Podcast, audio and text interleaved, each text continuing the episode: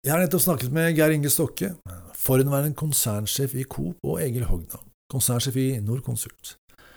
Vi snakket nettopp om kulturbygging, og det er mitt favorittema. Jeg brenner for kulturutvikling og er opptatt av å forstå dynamikken mellom strategi og kultur. Så når jeg utvikler en ledergruppe, skreddersyr lederprogram eller en innovasjonsprosess, så driver ikke jeg med opplæring, Altså, jeg ser ikke på meg selv som en kursholder. Jeg bygger bedriftskultur, og i mitt hode så har den kulturen kun ett oppdrag, og det er å implementere strategien på rekordtid. Og det har selvsagt alltid vært viktig å bygge kultur, men med dagens komplekse og stadig skiftende forretningsmiljø, så påstår jeg at akkurat nå er det viktigere enn noensinne å bygge en lærende organisasjon hvor medarbeiderne tilpasser seg raskt til nye utfordringer og muligheter. Og hvis dere allerede er gode på å lære, så er det bra, men det er ikke sikkert det er godt nok, fordi dere er nødt til å lære raskere enn konkurrentene. Og med dagens virkemiddel så er det mulig å påvirke mange mennesker på kort tid, men vær oppmerksom på at det krever mer enn videomøte og smarte duppeditter. Ledelsen må være konsistent. Det de sier, må være det samme som det de gjør, spesielt i toppledelsen. Altså, jeg har så mange erfaringer med at litt sprik i kommunikasjon mellom toppledere fører til dyp frustrasjon i den spisse enden der verdiene skapes. Og frustrasjon, vel, det koster penger og tid. Og med denne bakgrunnen var jeg spesielt nysgjerrig på hvilke erfaringer og refleksjoner Geir Inge Stokke og Egil Hogna gjør seg når de skal snakke om hvordan utvikle en kultur som verdsetter samarbeid, hvor medarbeiderne kan jobbe sammen for å løse problemer og utnytte muligheter på tvers av avdelinger og funksjoner. Du lytter til I Prosess, spesialister på innovasjonsprosesser og endringsledelse. Mitt navn er Tor Berntsen, og jeg sitter her i biblioteket på Grand Hotell med to interessante gjester. Og Da vil jeg gjerne starte med å ønske velkommen til Geir Inge Stokke. Takk for det. Du har vært her før. Ja, Takk for at jeg blir invitert igjen. Ja, det er spennende. Det er flott at du kan komme. Den gangen så dykket vi ned i din personlighetsprofil. Mm. Og da mener jeg husk at jeg presenterte deg som forhenværende administrerende direktør for Coop. Er det fortsatt en beskrivende tittel, eller har du funnet en ny måte å presentere deg på? jeg jobber med, jobber med, den saken der. Nei, det, er jo som du sier, altså, Jeg har jo jobba i Coop i mange år, og den siste stillinga jeg hadde, var eh, konsernsjef i Coop for eh, var det i åtte års tid. Ja. Og så, ja, For ca. et års tid siden så gikk jeg til mitt styre og så sa at nå har jeg lyst til å finne på noe nytt. Og så vet jeg ikke helt hva det er. Og så, Da måtte de jakte en ny konsernsjef, og så er jeg litt sånn i tenkeboksen på hva jeg har lyst til å gjøre framover. Ja, jeg men jeg holder på med litt styrearbeid og mye refleksjoner over hva fungerte bra, hva gjorde jeg bra, hva kunne jeg gjort annerledes osv. Så, videre. så jeg, jeg syns det, det, det, det, er spennende å få ting litt på avstand, for du ser ting litt annerledes. Ja. Da blir du kanskje en helt fantastisk versjon av deg selv da, i neste rolle, når den, eh, når den, kommer. Jeg håper uh, at det skal bli det. da vil jeg gjerne ønske velkommen til vår andre gjest, Egil Hogna, konsernsjef i Norconsult. Det. Du har også vært der før. Du er jo kjent for våre faste lyttere, men eh, det er flott om du kan minne oss om hva slags selskap Norconsult er, og hva du mener er spesielt viktig i din rolle.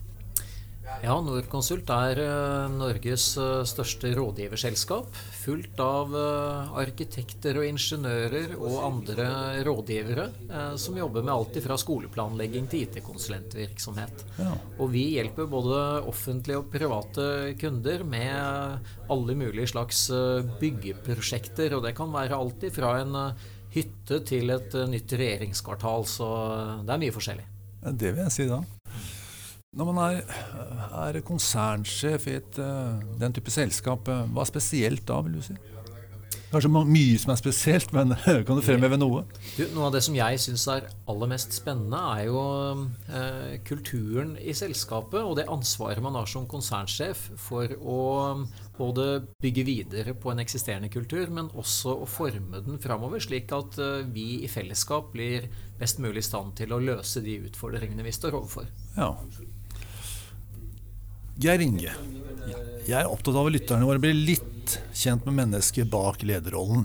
Du har sagt litt om deg selv nå, men kan du fortelle litt mer om deg selv, som gir oss et inntrykk av uh, hvem du er? Ja, Hvis jeg starter uh, yrkesveien, da. Jeg har jobba litt i Tine. Jeg har vært Key Account Manager der. Jeg jobba fem år i et reklamebyrå, Incognito, som uh, reklameproduksjonsbyrå som daglig leder. Og så har jeg jo da vært mye i Coop. da, Jobba med faghandelsvarene der. Bygde opp uh, faghandel på en Vi samla faghandel som én en enhet og bygde opp det og fikk struktur på alt med byggevarer, elektrisk sport osv. Der var det mye kulturjobbing, forresten. Ja. Uh, var det i åtte år og fikk bra trøkk på det. Og så har jeg da vært konsernsjef i åtte år der. Ellers er jeg vel en sånn eh, pleier å si, en likende kar. Jeg liker mennesker. Eh, har mer og mer fokus på mennesker i organisasjonen og viktigheten av, eh, av menneskene ja. der. Spennende.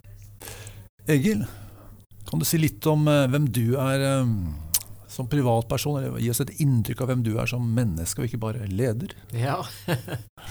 Geir Inge sa jo noe som jeg, jeg, kjenner meg godt igjen i. Jeg Altså jeg startet jo min utdannelse som uh, ingeniør uh, med et veldig teknisk fag, og så byttet jeg over til en blanding av økonomisk-administrative i tillegg til tekniske fag. Og grunnen til at jeg gjorde det, var at uh, jeg innså det at det jeg likte aller best, var nettopp å jobbe sammen med andre mennesker. og jeg tror det er umulig å ha en, en, en, en lederjobb, i hvert fall med et stort personalansvar, hvis du ikke er genuint glad i mennesker. og det betyr jo ikke at man ikke av og til må ta veldig krevende beslutninger og mm. krevende prosesser som kan ha menneskelige konsekvenser. Men jeg tror også de vanskelige prosessene, f.eks. nedbemanning, gjør man mye bedre hvis man uh, har et utgangspunkt med at man er genuint glad i mennesker. Så, så det, det, er noe som kjennetegner meg. Ellers så er jeg familiefar, har tre barn. Ett igjen hjemme. Men ellers så liker jeg å gjøre litt andre ting på fritiden også. Holde meg litt i form også. Syns jeg det blir mer og mer gøy å lage mat, faktisk. Ja, Så. spennende. Det med at man som leder Dere bekrefter begge to at man som leder må være glad i mennesker. Jeg har holdt på med dette i noen tiår, og jeg, jeg, vil påstå at det er en ganske ny påstand. Altså Det er en tydelighet som er kanskje sterkere i dag enn for 20 år siden. da. Og vi skal snakke om i dag. Vi har gitt oss selv en krevende problemstilling. Selvfølgelig skulle bare mangle. I dagens samfunn er alle individualister, og arbeidslivet er mer spesialisert. Selv yrker hvor det tidligere var tilstrekkelig med god arbeidsmoral og vilje til å lære, er det i dag i ferd med å utvikle seg mer og mer spisskompetanse. I tillegg er verdikjeden i mange selskaper blitt mer kompleks, og verdiskaping handler ikke lenger bare om lønnsomhet. Vi må også ta hensyn til samfunnsoppdrag, miljø og bærekraft. Det kan derfor være krevende å vurdere hva som er et godt resultat. Og at dette fører til at flere må samarbeide, gjerne på tvers av fagområder og siloer, for å skape verdier. Og den problemstillingen vi har gitt oss selv da, eh, til å reflektere rundt, må jeg si, ikke løse, eh, det er hvordan utvikler man en kultur som verdsetter samarbeid, og der medarbeiderne kan jobbe sammen for å løse problemer og utnytte muligheter på tvers av avdelinger og funksjoner? Dette er jo et stort spørsmål, så la oss, la oss løfte litt åpent. Hvordan preger arbeidet med kultur din rolle som uh, toppleder, Geir Inge? Nei, altså jeg tror hvis jeg tenker veldig stort da, til å begynne med, så tror jeg den som løser dette på enkleste, best mulig måte, den er vinneren i framtiden. Eh, for dette er vanskelig, og det blir vanskeligere og vanskeligere. Ja. For det er ikke tvil om at vi har gått fra at litt forskjellig fra bransje til bransje og område til område, men vi har vært veldig mange generalister eh, rundt omkring, og så blir det spesialister på snevrere og snevrere områder. Og så skal du få de til å samarbeide internt i organisasjonen. Men jeg tror også det er avhengig av de til å samarbeide med partnere mer og mer i framtida. Og det å klare å skru det på en god måte med å senke skuldrene der, få til dialogen på kryss og tvers og utvikle den kulturen der, de som klarer det, de tror jeg virkelig virkelig er vinnerne i, i framover. For jo, vi mennesker er jo sånn at vi liker best det vi kan sjøl. Vi liker best det vi har eh, skapt sjøl, det vi har levert sjøl. Ja. Og så er vi i framtiden mye mer avhengig av at, å gjøre det sammen med andre, både internt og eksternt. Mm. Så det, det, er en krevende reise, tror jeg. Men ja. Eh, den er ekstremt viktig. Ja. Egil, du nevnte jo kultur i stad, sånn stikkordsmessig på lederrollen din. Hva tenker du om denne problemstillingen? Uh, I Norconsult så har vi seks ledelsesprinsipper, og et av dem er faktisk samarbeid. Så dette er noe av det som vi setter øverst i betydning. og det henger mye sammen med at vi er et ganske stort selskap. Vi har 5600 medarbeidere. Ja. Og den eneste grunnen til å være et stort selskap, og den eneste måten å lykkes på, er jo gjennom å samarbeide. Fordi hvis man ikke samarbeider internt ja, Man skal jo samarbeide eksternt også, men hvis man ikke lykkes i å samarbeide internt, så er det ikke noe poeng å være stor. Da er det bare stordyrets ulemper ved å være stor. Uh, og så er et spørsmål som vi av og til stiller oss hvor store bør vi være? Hva er poenget med å være stor? Og i vårt tilfelle så henger det sammen med at de oppdragene vi, vi blir bedt om å løse, de vokser i størrelse. Det blir stadig vekk større eh, oppdrag, større prosjekter eh, innenfor infrastruktur og, og, alt det vi holder på med. Eh, konkurrentene våre fra utlandet de er store, og da er det et behov også for at eh, vi er store. Og da er vi så avhengig av eh, samarbeid. Ja. Jeg er ikke noen spesialist på byggebransjen, men jeg har jo lest litt om den. og den det kan vel stemme at den er ganske fragmentert, og at behovet for samarbeid er betraktelig. Er, eh, er det slik at dere er spesialister på samarbeid? At det, at det blir en slags spesialistkompetanse, det også? Ja, Vi liker å tro at uh, vi, vi, er veldig gode på dette. Uh, og et eksempel på hvordan dette har utviklet seg, er at uh, for ti år og lenger siden, så var de fleste ingeniøroppdrag ganske enfaglige. Mm. På den måten at det var et eh, konstruksjonsoppdrag som noen fikk. Ja. Og så var det noen andre som fikk utredningsoppdrag, eh, prosjektledelsesoppdrag osv. Men den fragmenteringen det innebar, det eh, skapte mange problemer. Så det vi gjør nå, er at vi har flere og flere tverrfaglige oppdrag. Det er en større og større del av mm. vår omsetning. Uh, og vi tror at vi løser oppgavene bedre for kundene uh, på den måten. Ja. Men vi må også samarbeide med mange eksternt. Uh, og det er jo da i vårt tilfelle entreprenører, det er byggherrer, og det er underleverandører av f.eks. materialer. Så der er det også en viktig dimensjon fremdeles. Ja. Betyr det at man tidligere gjorde ting etter hverandre?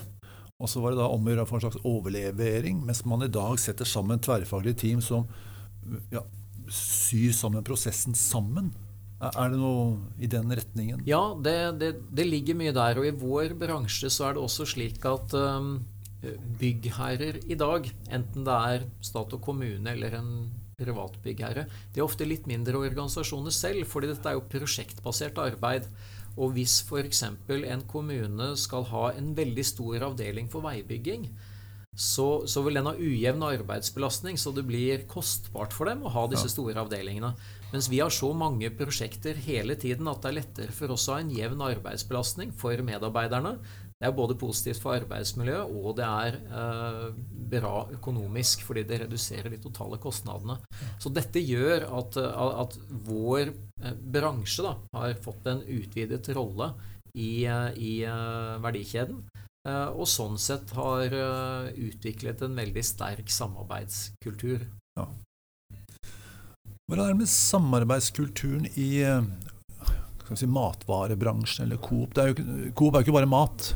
Nei, det er, eh, er my mye faghandel og mye andre ting. Da. Men ja. uh, hvis en tar uh, mat som utgangspunkt altså det, det, er klart at det, Tidligere så var det generalister overalt. og Generalistene kunne litt, litt om alt, og alle tenkte og prata litt, liksom. Ja. Og så får du da spesialister på snevrere og snevrere områder her. Og, og, da skal du ha en helt annen dialog på hvordan dette får gjort Da. Og, og, og, det er klart at det hele dagligvarebransjen handler om. Det handler jo om å strukturere opp ting, gjøre ting mer effektivt. Og, og, det er store gevinster hele veien. og det er klart at da, Med en varestrøm som Coop hadde da på 70 milliarder, ikke sant, så handler det om å effektivisere det med 0,1% en del plasser.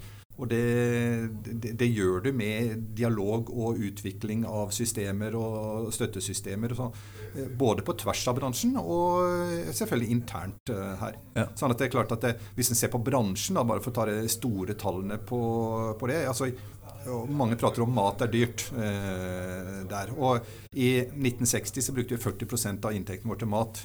I dag bruker vi en, kanskje en 12% her.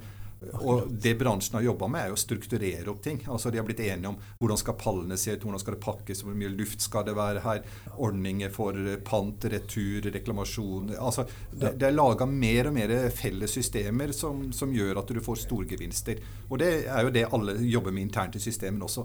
Og det er utrolig kompleks egentlig å få til på kryss og tvers uh, hele veien. Og, og det å lage en god kultur for spesialistene å få de til å, samarbeide, det, det, er krevende, det. Ja. Eh, det. For det er klart vi jobber med digitalisering, transformasjon rundt det. Eh, det er gjett å lage en app og noe i front igjen der, men det skal spilles sammen med store, store IT-systemer i bakkant. Eh, og da involverer det mange personer. Ja. Så den der, og den effektiviseringen som dere sannsynligvis kontinuerlig jobber med hele tiden, mm. den krever at det er en viss størrelse for å få ta ut det potensialet. Ja, du, du er helt uh, avhengig av det på, egentlig på flere og flere prosjekter. Og så er det jo en helt annen tankemåte å jobbe i. Altså Tidligere så lagde du jo svære kravspekker, og så kjøpte du et IT-system som passa best mulig, og så var det sånn svært uh, fossefall. Mens i dag jobber du agilt uh, med teste, prøve, feile ja. hele veien uh, der. Og da trenger du en annen type mennesker og ressurser. Og jeg tror også du er helt avhengig av selv for noen kjempestore organisasjoner å være mye mer partnerskap med omverdenen rundt deg. For det, det er knapphet på faget og spesialistene også rundt omkring. Og også det å klare å lage de gode kulturene og arenaene for det, det, det er viktig. Og det, det, er en krevende lederoppgave som jeg tror blir mer og mer krevende. Ja, akkurat.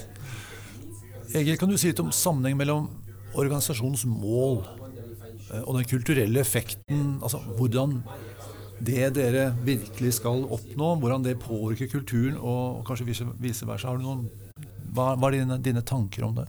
Ja, dette henger tett sammen. Og du har helt rett i det at målene de påvirker kulturen.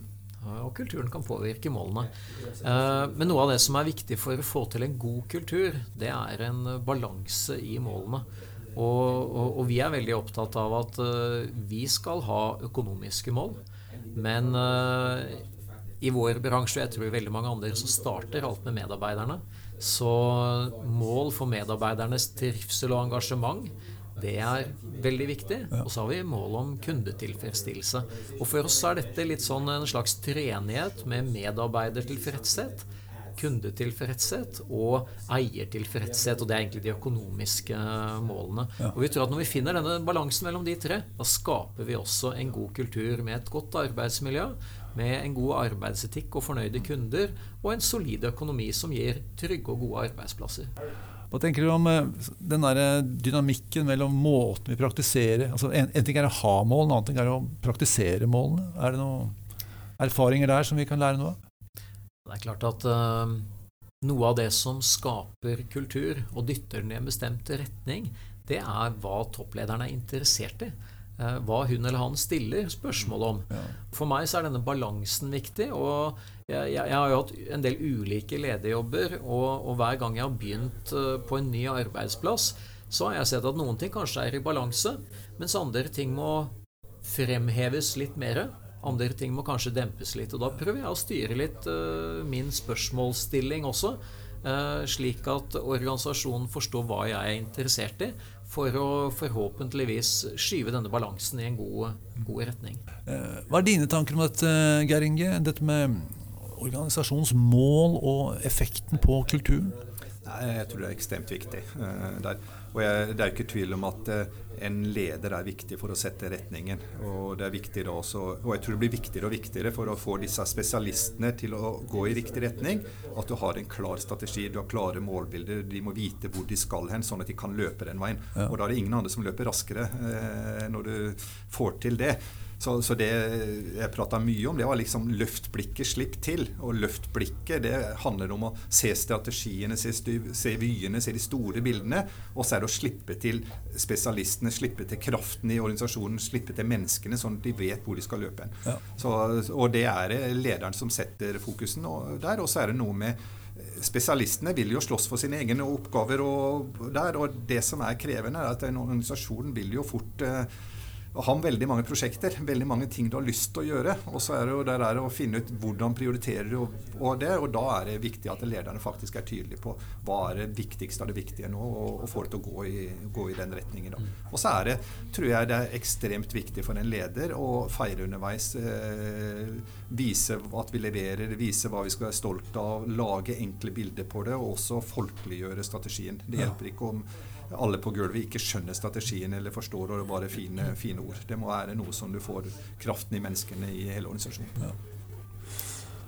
Du er inne på noe veldig spennende her, syns jeg. Fordi eh, spesialister og ulike fag det er veldig viktig for at vi skal kunne løse alle våre oppgaver. Så vi er avhengig av det av mange spesialister.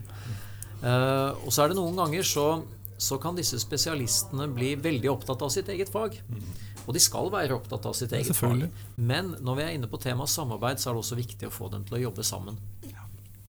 Og eh, noe som jeg syns er viktig, er at vi ikke ender opp med en situasjon hvor vi har stammekulturer. Mm. Altså hvor man identifiserer seg så sterkt med sin egen spesialistkompetanse og fag at, at det gjør at helheten kommer i skyggen. Fordi alle medarbeidere må ha som sitt øverste mål at organisasjonen totalt sett skal lykkes. Og så er vi alle sammen en brikke i puslespillet eller en maur i maurtua som er viktig for å få den til å lykkes. Og, og, og ens personlige fag spiller et, en viktig rolle der. Mm. Men, men, men, der må man ha denne balansen hvor eh, de hva skal si, spesialistkulturene må ikke bli altfor sterke. Og der hender det at en leder må hjelpe til med å balansere ut uh, dette, mm. slik at totaliteten og selskapets overordnede mål er det som blir viktigst. Mm. Og, det er jo krevende for ledere. for at du, altså, du kan være spesialist altså først, kjenner ikke byggbransjen så godt, men Hvis du er spesialist på tre eller mur eller betong, eller et eller annet, mm. så er det vel lett for at du velger det. Ja. Eller hvis du er spesialist på det og det datasystemet eller softwaren, så vil du gjerne velge det. Og så er det kanskje ikke det som er det riktige, men du skal kanskje velge noe annet som er eh, fremtiden eller et eller annet. Altså, og, det, og, hvordan klarer du å balansere det mellom alle disse spesialistene? ja. Nei, det er noe av det som jeg jobber med hver dag. Eh, som er en veldig spennende og utfordrende oppgave. Jeg, jeg tror noe av svaret er kommunikasjon, rett og mm. slett. Bruke tid på å kommunisere, forklare ikke bare hva de overordnede målene er, men også hvorfor har vi de målene. Mm. Og hvilken rolle spiller de ulike delene av organisasjonen i å løse de eh, målene. Eh, og, og, og, som sagt, de gangene hvor man kanskje oppdager at noe er i ubalanse, aktivt oppsøke den ubalansen, stille spørsmål ved den og forklare potensielt da hvorfor dette er et problem, og at vi kanskje ikke må gjøre det på akkurat den måten. Så jeg har tro på at en leder eh, kan ha en litt sånn T-basert lederstil, at du skal ha et overblikk. Den øvre delen av denne T-en. Men av og til så må du kunne dykke ned ganske detaljert for å løse opp i floker som eh, oppstår eh, både når man fisker og når man eh, hekler, og i organisasjoner. Mm. Du beskriver jo en lederrolle som er mm, skal vi si, lite opptatt av å være den som kan faget best. Men veldig opptatt av samspillet mellom menneskene og mm. hvordan vi samhandler. Yes. Det er jo egentlig ganske ny utvikling, det også. Det, altså, det har vært gradvis de siste kanskje fem-ti årene. Men uh, før det så var det jo ofte sånn at den beste selgeren ble salgssjefen. Det er jo sånt mm. rykte. Og mange bransjer har det ennå, leder gjennom fagkompetansen. Uh, et spørsmål til dere bare. Er det Nå er jo dere to toppledere, og da er rollen litt annerledes. Uh, er det den samme holdningen trenger vi den helt ned i alle nivåer i organisasjonen, eller er det et eller annet sted at du blir en fagsjef til slutt? Det er nok mange fagsjefer, og, det, og det, dette er noe av utfordringen. For det, de har du helt oppe i konsernledelsen. okay, altså det, der, og da har du styrerommet. Ja. Så dette er, det er jeg tror det er en ny måte å tenke på. Jeg tror det er en ny måte å, å Ledelse som skal inn. Og da kreves det en annen samspill i konsernledelsen. Jeg tror det krever et annet samspill med styret. Og, de klar, og nedover i organisasjonen. Og de som klarer å få til det, det, det tror jeg er vinnerne eh, i, i framtiden. Ja. Jeg har jo en sånn mantra at eh, dagens eh, si, moderne lederstil er å hjelpe folk til å lede seg selv. Mm. Og da er det mange som mange lærere som ikke Å ja, hva skal jeg gjøre da? Da sitter jeg stille og venter på at noen kommer til meg med et problem. Og det går jo ikke. Og det er det, det fokuset som dere, dere snakker om, må, man være like mennesker og fokusere på samspill og se, analysere samspillet mellom folk. Det er, det er ganske annerledes måte å tenke på. Da. Det krever det veldig sånn sosialt bevisst og oppegående. Ja, og, og, og noe som jeg syns er nyttig, det er jo da å kanskje trekke fram noen rollemodeller og forbilder i organisasjonen. Eh, da pandemien begynte, så ble jeg ganske glad i å spille inn en uh, ukentlig liten videosnutt. Uh, og det har jeg gjort siden den gang, og den uh, legges ut på intranettet vårt hver, hver, fredag. og da pleier jeg å løfte fram typisk ulike mennesker i organisasjonen som har gjort noe som er interessant. som kan være et, et forbilde, og som kanskje har, har vist en form for uh, atferd eller noe de har gjort, som er noe som uh, kan inspirere. Uh, og det, det, å liksom løfte fram ting som er i tråd med altså både ting og mennesker og handlinger, ja. som er i tråd med strategien vår, de overordnede målene vi ønsker å oppnå, det er noe som jeg syns er effektivt da, for å skape denne kulturen. Da, og for at folk skal forstå hva er det som eh, blir verdsatt i organisasjonen. Ja, det er vel stoltheten av det du har skapt sammen, da, istedenfor mm. stoltheten av det jeg har gjort. Nettopp. Og den uh, stoltheten av den du har gjort sammen, den er uh, kraftigere hvis du får den til enn ellers. Så kan du sammenligne med idretten. da? Når de vinner stafett de, de, feirer det faktisk mer og syns det er voldsomt morsommere det å vinne stafetten enn å vinne individuelt. Ja. altså, og det er kanskje noe av det, det vi må få til også. Ja. Dette følte jeg veldig på i går da jeg var med på eh, et av våre stafettlag i RIF-stafetten, som er vår bransjeforeningsstafett. Da var vi tre stykker som var på lag sammen. Utrolig artig. Vi vant ikke, men, men eh, det, det, å hva skal du si, gjøre en, sånne, en del sånne aktiviteter som har fokus på team og samarbeid, det er viktig. Vi, vi, har også en årlig prisutdeling i Nordkonsult. Vi kaller det Nordkonsult Awards. Og da løfter vi fram de teamene som har lyktes spesielt godt innenfor enkelte områder, som f.eks. Eh, digitalisering, bærekraft. Vi har en egen samarbeidspris også, men hele tiden løfter vi fram team, og ikke enkeltpersoner. Og det eh, henger sammen med noe av det som du sa. Ja, bygge kultur. Mm. Jeg liker et fokus på rollemodell. fordi at eh, altså Du nevnte at du hadde tre hovedmål i, mm. litt tidligere. og det er litt slik at når du får ting formulert som mål, eller som oppgaver, eller som råd, gjør ditten og gjør datten, eh, så er det vanskelig å vite ja, men nøyaktig hva skal jeg gjøre i denne situasjonen. Mm. Hvilke konsekvenser får det egentlig for meg? Men når du ser andre mennesker Ja, jeg veit hvem den personen er. Han eller hun blir løftet fram fordi man har gjort noe bra. Og ja, da, da, ser jeg et menneske som har gjort det. Da er det lettere å kopiere, tenker jeg. Lettere å lære. Mm.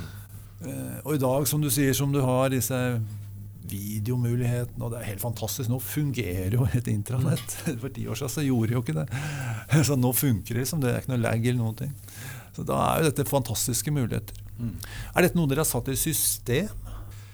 Altså når jeg går og reflekterer nå, så tenker jeg på alt jeg burde gjort mer av. Eh, og alt jeg skulle ha gjort. Eh, men eh, jeg finner liksom veldig få ting som jeg ikke skulle ha gjort. Da. Så, så, så jo, og da går ikke tiden i hop. Så det å sette det i et system, faktisk å være synlig for organisasjonene, bruke intranettet, bruke videocall, det å være på fellesarenaer, er viktig, viktig, for å bygge kulturen. Da. Ja. Det, og jeg tror også det er å, å fremheve samarbeid er eh, viktigere å fremheve enkeltmennesker. Og så, kan det jo fort gå i, gå i, feller her også. Jeg har selv gått i noen når du begynner å prate om unge, nye talenter. At det er livsfarlig. Ja, vi har stappfullt av unge, nye talenter, men du verden mange andre talenter som er godt voksne. Og vi har, og vi har mange andre som har vært i organisasjonen lenge. Sånn at du, du kan fort eh, fort, fort deg ut også. Hvor da plutselig noen rekker opp hånda og så, og så, sier at du, vi som har vært der i 20 år, er ikke vi spennende, eller vært der i 40 år osv. Så, så, så det å være rundt i organisasjonen og få de signalene og få de tilbakemeldingene og kunne korrigere seg, er også viktig. Da. Nå er du litt inne på det med også å feire betydningen av mangfold. ikke sant? Mm. Fordi eh, samarbeid er veldig avhengig av mangfold. Eh, samarbeid kan jo være farlig hvis du har gruppetenkning og du har hva skal du si, mennesker som tenker veldig likt, og som sammen går utfor stupet og tror at eh, de gjør noe lurt. Eh, så, vi er veldig avhengig av å ta vare på som du sier, yngre mm. talenter, men også eldre. Vi har, vi har, medarbeidere som er over 80 år i Norconsult, faktisk. Mm. Ikke så mange, riktignok, men, men de sitter ofte med en unik kompetanse, og det er grunnen til at de da er igjen såpass lenge. Fordi de, de har noe unikt ved seg. Og det, det er også et mangfold ikke sant? Mm. Som, eh, som, som, gjør at vi blir eh, bedre. Og det er, det, er, det er, mange typer mangfold, men samarbeid er helt avhengig av det for å bli et godt samarbeid. Ja, helt klart. Hvis du er 80 år gammel og fortsatt jobber i, eh, Norconsult, da tenker jeg du liker jobben din veldig godt. Ja. Men jeg, jeg syns det er flott at dere er så bevisste på det med å være skal si, um, kulturbyggere og representere organisasjonen på flere måter. Men det må jo være eh, det må jo ikke være, bare være dere som gjør det, man må jo mobilisere flere grupper ansatte og lage kanskje strukturer, vaner, rutiner, aktiviteter som gjentas systematisk for å mm. Liksom, påvirke så mange som mulig, så mye som mulig. Da. Mm. Kan dere si litt om, uh, om sammenhengen mellom ja, aktiviteter som gjentas, og utviklingen av kultur? Geir Engi, kan du kommentere på det? altså, det, det, er jo viktig at du får dette ned i organisasjonen, som du prater om, for du klarer ikke bare på toppen. Og så er det, Hvis vi prater om noe av det skumle først, da, det er jo hvis du får subkulturer. Altså Hvis noen begynner å fremheve vår avdeling som viktigere enn alle de andre. Eh, og, og, lederen kan jo være fantastisk likt internt eh, og rundt overalt, men bygger da ikke de store linjene for eh, organisasjonen. Så, så, så, det å klare å fange opp det på gode måter kryss og tvers, eh, det, det er viktig for oss å bygge, bygge den uh, kulturen og stoltheten nedover. Og så tror jeg det, det her med å dyrke bevisene, dyrke stoltheten på det du, du gjør. Altså jeg, jeg har vært, vært, med hvor folk har tatt styrebeslutning på hvilken kultur du skal ha i selskapet. Men det, det går, går, ikke. Det, er gjennom eh, hverdagen. Men, men du, jeg, jeg er overraska hvor fort du kan eh, bygge opp en kultur. Hvor ja. fort du kan skape en kultur. Sier du det? Jeg, jeg, jeg har alltid trodd at det tar, tar, lang tid, men det er klart at det, ved f.eks. oppkjøp eh, der, ved å ta markedsandeler, ved å levere gode økonomiske resultater. Det å få en del sånne statement eh, der, så får du bygd en stolthet veldig veldig, veldig raskt. Og, ja. og får du bygd den stoltheten raskt med noen lederskifter og endring av kultur og bevise litt underveis her, så, så, så endrer du kulturen fort. altså. Ja. Men litt avhengig av hvor du er, så kan du jo starte med alt med møteregler på hvordan du oppfører deg i møter, og, og hvordan du behandle mennesker, eh, til at du drar den mye mer komplekse veien. Da. Ja, ja. Det var godt å høre. De fleste som snakker om kultur, snakker om hvor komplekst og hvor lang tid det tar, hvor vanskelig det er, hvor mange hindringer som finnes. Det er befriende å høre at det også kan være litt tempo på det. Eh, hva tenker du om eh, aktiviteter som gjentas, og betydningen for bedriftskultur? Kan du gi noen eksempler, Egil? Ja, det, det, det, er ikke så vanskelig, fordi eh, langt på vei alle de aktivitetene vi gjør hver dag, former kulturen. Så hvis vi tar f.eks. møtestrukturer. Ja. Eh, hvor ofte møtes en ledergruppe? Eh, møtes de digitalt eller fysisk? Spiser man middag sammen når man møtes? Altså fordeler man møtet over to dager, eller ja, så, så, hvordan man legger opp en møtestruktur, det er et uh, enkelt eksempel på hvordan man former en kultur. Rettet mot mye samarbeid eller lite samarbeid, f.eks. Du har også selve organisasjonsstrukturen. Eh, noen har jo ikke engang en ledergruppe som møtes. Hvilke konsekvenser får det for, for kulturen, f.eks.? Eh, så, så, har vi dette med kommunikasjon. Eh, jeg nevnte disse ukesluttfilmene som jeg har, f.eks. Ja, ja. det, det tror jeg er med på å bygge kultur. Men så har vi også eh, andre typer kommunikasjon. Altså hvor aktiv er man på sosiale medier? Mm. Hvor mye vekt legger vi på kundekommunikasjon? Hvem er det som gjør kundekommunikasjon? Er det bare de som jobber i prosjektet med kunden? Eller tar ledelsen også aktivt del i kundekommunikasjon? Jeg har jobbet i selskaper som, eh, hvor noen ganger lederen har vært veldig involverte med kundene. Andre ganger ikke i det hele tatt. Alt dette former kulturen, på godt og vondt. Ja. Det er interessant. Du har jo nevnt disse her eh, awardsene deres også, mm. som selvfølgelig er sannsynligvis en kulturbygger de luxe. Men jeg er også litt nysgjerrig på dette med konsekvenser. Altså, ledere har jo formell makt i en organisasjon. og til syvende og sist da, så består kulturen av individer som samhandler. Og den individuelle atferden får jo konsekvenser, eller bør få det. Og så er det da Noen av de konsekvensene er selvfølgelig planlagt og styrt kulturelt, kanskje. Og andre er litt mer eh, tilfeldige og varierende.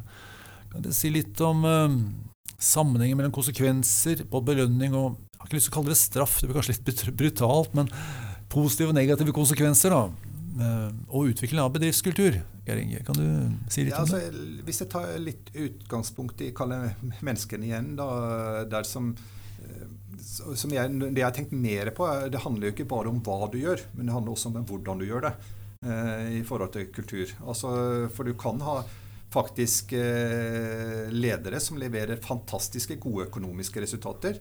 Men de tråkker på noen tær, eller de kjører over mennesker, eller eh, til og med så kan de bryte lover og regler hvis du drar til ytterste konsekvens, men leverer fantastiske resultater. Ja. Så, så, og Da handler det ikke bare om hva, det handler også om hvordan. Og den hvordan-delen den eh, blir nok tydeligere og tydeligere eh, etter hvert i forhold til at du Nok kommer det jo via lovverket også, da. ikke sant? Alt med enten det er klima eller bærekraft og lover på produktsikkerhet og det ene og det andre, så blir jo mer og mer tett innover. Sånn som det som tidligere var valgfag. Det er jo obligatorisk mer og mer. Men, men, samtidig så er det alltid fortsatt med handle om hva og hvordan. Og det er klart at eh, da, da, gjelder det at du har en kultur hvor du faktisk reagerer på hvis noen ikke leverer på en riktig måte, selv om de har gode resultater. Ja. Uh, og det er nok også en endring som, som kommer, og, men den er jo veldig krevende. For når du da tar opp det, dialoger med menneskene, så, så er det sånn Ja, men jeg har jo fantastiske resultater, jeg leverer jo best av alle sammen, ja, osv. Og, og så er det noen andre parametere som ikke er på plass. da. Egil, kan du si litt om atferd som, som, du er bevisst på å forsterke, og kanskje atferd som du er bevisst på å dempe litt? Ja, jeg kan godt gjøre det, men først så er jeg fristet til å si litt om dette med konsekvenser, Nei, jeg også. Fordi det, det, dette er et viktig tema, eh, og det, og det, er noe som vi ikke alltid er så veldig glad i å snakke om. Men noe av det som er mest kulturbyggende, er jo faktisk også det en leder ikke gjør. Mm. På den måten at hvis det foregår en viss atferd i organisasjonen, og den kanskje er negativ, og lederen ikke gjør noe med det, ja. så sender man det signalet til organisasjonen at lederen støtter den type atferd. Dette er ikke bare akseptert, det er noen som kanskje til og med tror at man ønsker det. Og så kan ting virkelig utvikle seg skeivt. Ja. Og i Norge så har vi ofte en litt mindre direkte lederstil enn i andre land. Og, og, og det tror jeg kan være en potensiell felle i, i, i vår kultur knyttet til ledelse. Eh, fordi hvis man opplever atferd som strider mot kulturen og de målene selskapene skal og må oppnå, da må man som leder gjøre noe med det. Eh, og noen ganger så må man da faktisk også bytte ut folk. Uh, og, og, det tror jeg man skal være tilbakeholden med å gjøre sånn generelt, men, men, det er kanskje det mest effektive tiltaket for å forme en kultur i en ledergruppe hvis, hvis det da kanskje er én person som, som uh, viser denne negative atferden, hvis den personen da tas ut, så forstår alle de andre, og hvis det skjer i toppledelsen, forstår gjerne hele organisasjonen at oi, nå er det noe som skjer her. Den type atferd er ikke konsistent med kulturen vår, og lederen mener det. Ja. Uh, fordi dette med walk the talk, og gjøre mm. som man sier, det er utrolig viktig. Og der er det viktig å ikke bli uh, unnlatende, for da gjør man ikke som leder uh, jobben sin. Du minner meg på noe som jeg et, budskap jeg ofte formidler da, når jeg holder lederutviklingsprogrammer, og det er at fantasien er ofte verre enn virkeligheten. Og det, det er det du bekrefter, egentlig. for uh, du først begynner å spekulere. ikke sant? Altså, hvis mm. noen gjør noe, og, og en person sier at ja, det du gjorde nå, det opplever jeg som respektløst. Det er veldig sjelden at en person som gjør det, sier at ja, men det var godt, for det var akkurat det jeg mente. Ja, Det er veldig sjeldent. som regel så har folk gode intensjoner. Eh, og, men vi tolker atferden eh, symbolsk og, mm. og, gir den tillegger den verdi. Da. Så du kan til og med ha gode intensjoner. Bli, det har kanskje et uheldig utfall, men det blir ikke gjort noe med det. Og så blir det tillagt intensjoner som absolutt ikke er der. Ja. Eh, så man skal ikke bare si ifra før det er liksom veldig galt. Man må si ifra når det kan feiltolkes. Mm. Eh, og det er jo ganske ofte, da. Enkle eksempler på det. Vi har jo på lagrene våre Eller nå sier vi, da. Men eh, Coop har på lagrene sine som et eksempel mange forskjellige mennesker fra forskjellige nasjoner. Og, og noen, når du prater forskjellige språk, der. Ja. Og hvis eh, jeg og du hadde prata sammen i et eller annet språk som Egil ikke hadde skjønt, så hadde jo han med en gang tenkt at nå prater vi negativt om han. Eh, så det er bare sånn der, Og derfor så er det bl.a. vært viktig for oss på mange områder å si at nei, men her er det det språket vi bruker ferdig ja, på, mm. det, for å unngå den type mistenkeliggjøring. Da, for fantasien vår, den er ikke snill med oss. en av mine kjepphester eh, om kulturarbeid er at vi må sørge for en systematisk påvirkning over lang tid. Og det er jo ikke alltid like lett å få til. Hvilke erfaringer har dere gjort der? Ja, jeg vil si altså, Kulturbygging dreier seg veldig mye om konsistens. At uh, alt det man gjør, uh, bygger opp under en konsistent uh, filosofi, mål og den kulturen man ønsker å oppnå. Så tiden jobber for oss. Og som Geir Inge sa, noen ganger har jeg også blitt forbløffet over hvor fort man faktisk kan, kan, kan justere en kultur inn. Eh, fordi hvis man er konsistent i alt det man gjør, så blir det enkelt for organisasjonen å forstå hvor man vil hen. Eh, de gangene kulturen blir en fiende og er veldig vanskelig å håndtere, det er når man kanskje som leder og ledelsesgrupper da, blir inkonsistente. Og én gjør noe, og en annen gjør noe annet. Og, og, og, og aller verst når samme leder gjør litt ulike ting uh, innimellom. Så, så, konsistens, det er det som virkelig kan gjøre at en kulturell uh, endring skjer hurtig og effektivt, og, og, gjerne også blir populær. Fordi det er mye enklere for folk å forholde seg til noe som er konsistent. Ja. Hvis ting er forskjellig eh, hver dag, eller fra dag til dag, da, da, da blir man forvirra. Ja. Og det, ikke, det, det, blir ikke noe godt arbeidsmiljø av det heller. Nei, og Da blir tolkningsrommet stort. ikke sant? Mm. Så Da er det nesten opp til hver en å fortolke dette, og da blir det vanskeligere. Geir Inge, hva er din, eh, dine tanker om det? Nei, jeg tenker jo Det som er viktig i en del sånne ting, er jo denne åpenhet, ærlighet, tydelige mål på hva du skal gjøre, og faktisk eh, kanskje enda viktigere at det du prioriterer bort, prioriterer alle bort. Det, ja. Hvis uh, halve ledergruppa prioriterer det bort og ikke skal gjøre det, og så sitter det to stykker og så tukler med det litt der, så, så blir det jo akkurat den feilen som Egil prater om her. Da, ja. Så det, det er det å være tydelig. Nå har vi jo snakket om kulturarbeid generelt, og én ting er å få det til i oppgangstider. Og man har kanskje litt ekstra ressurser og positiv innstilling. Det går eh, Tirsdag er bedre enn mandag osv. Da, da er det jo behagelig.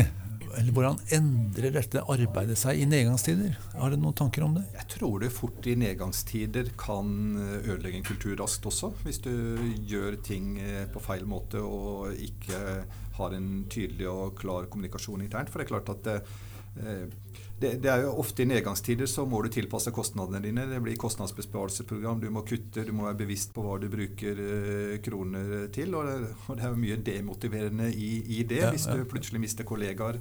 Du, plutselig prosjektene som du jobber med og drømmer om, blir borte. Eller, eh, der, så, så, så, så, det tror jeg er mm, viktigere enn noen gang uh, her.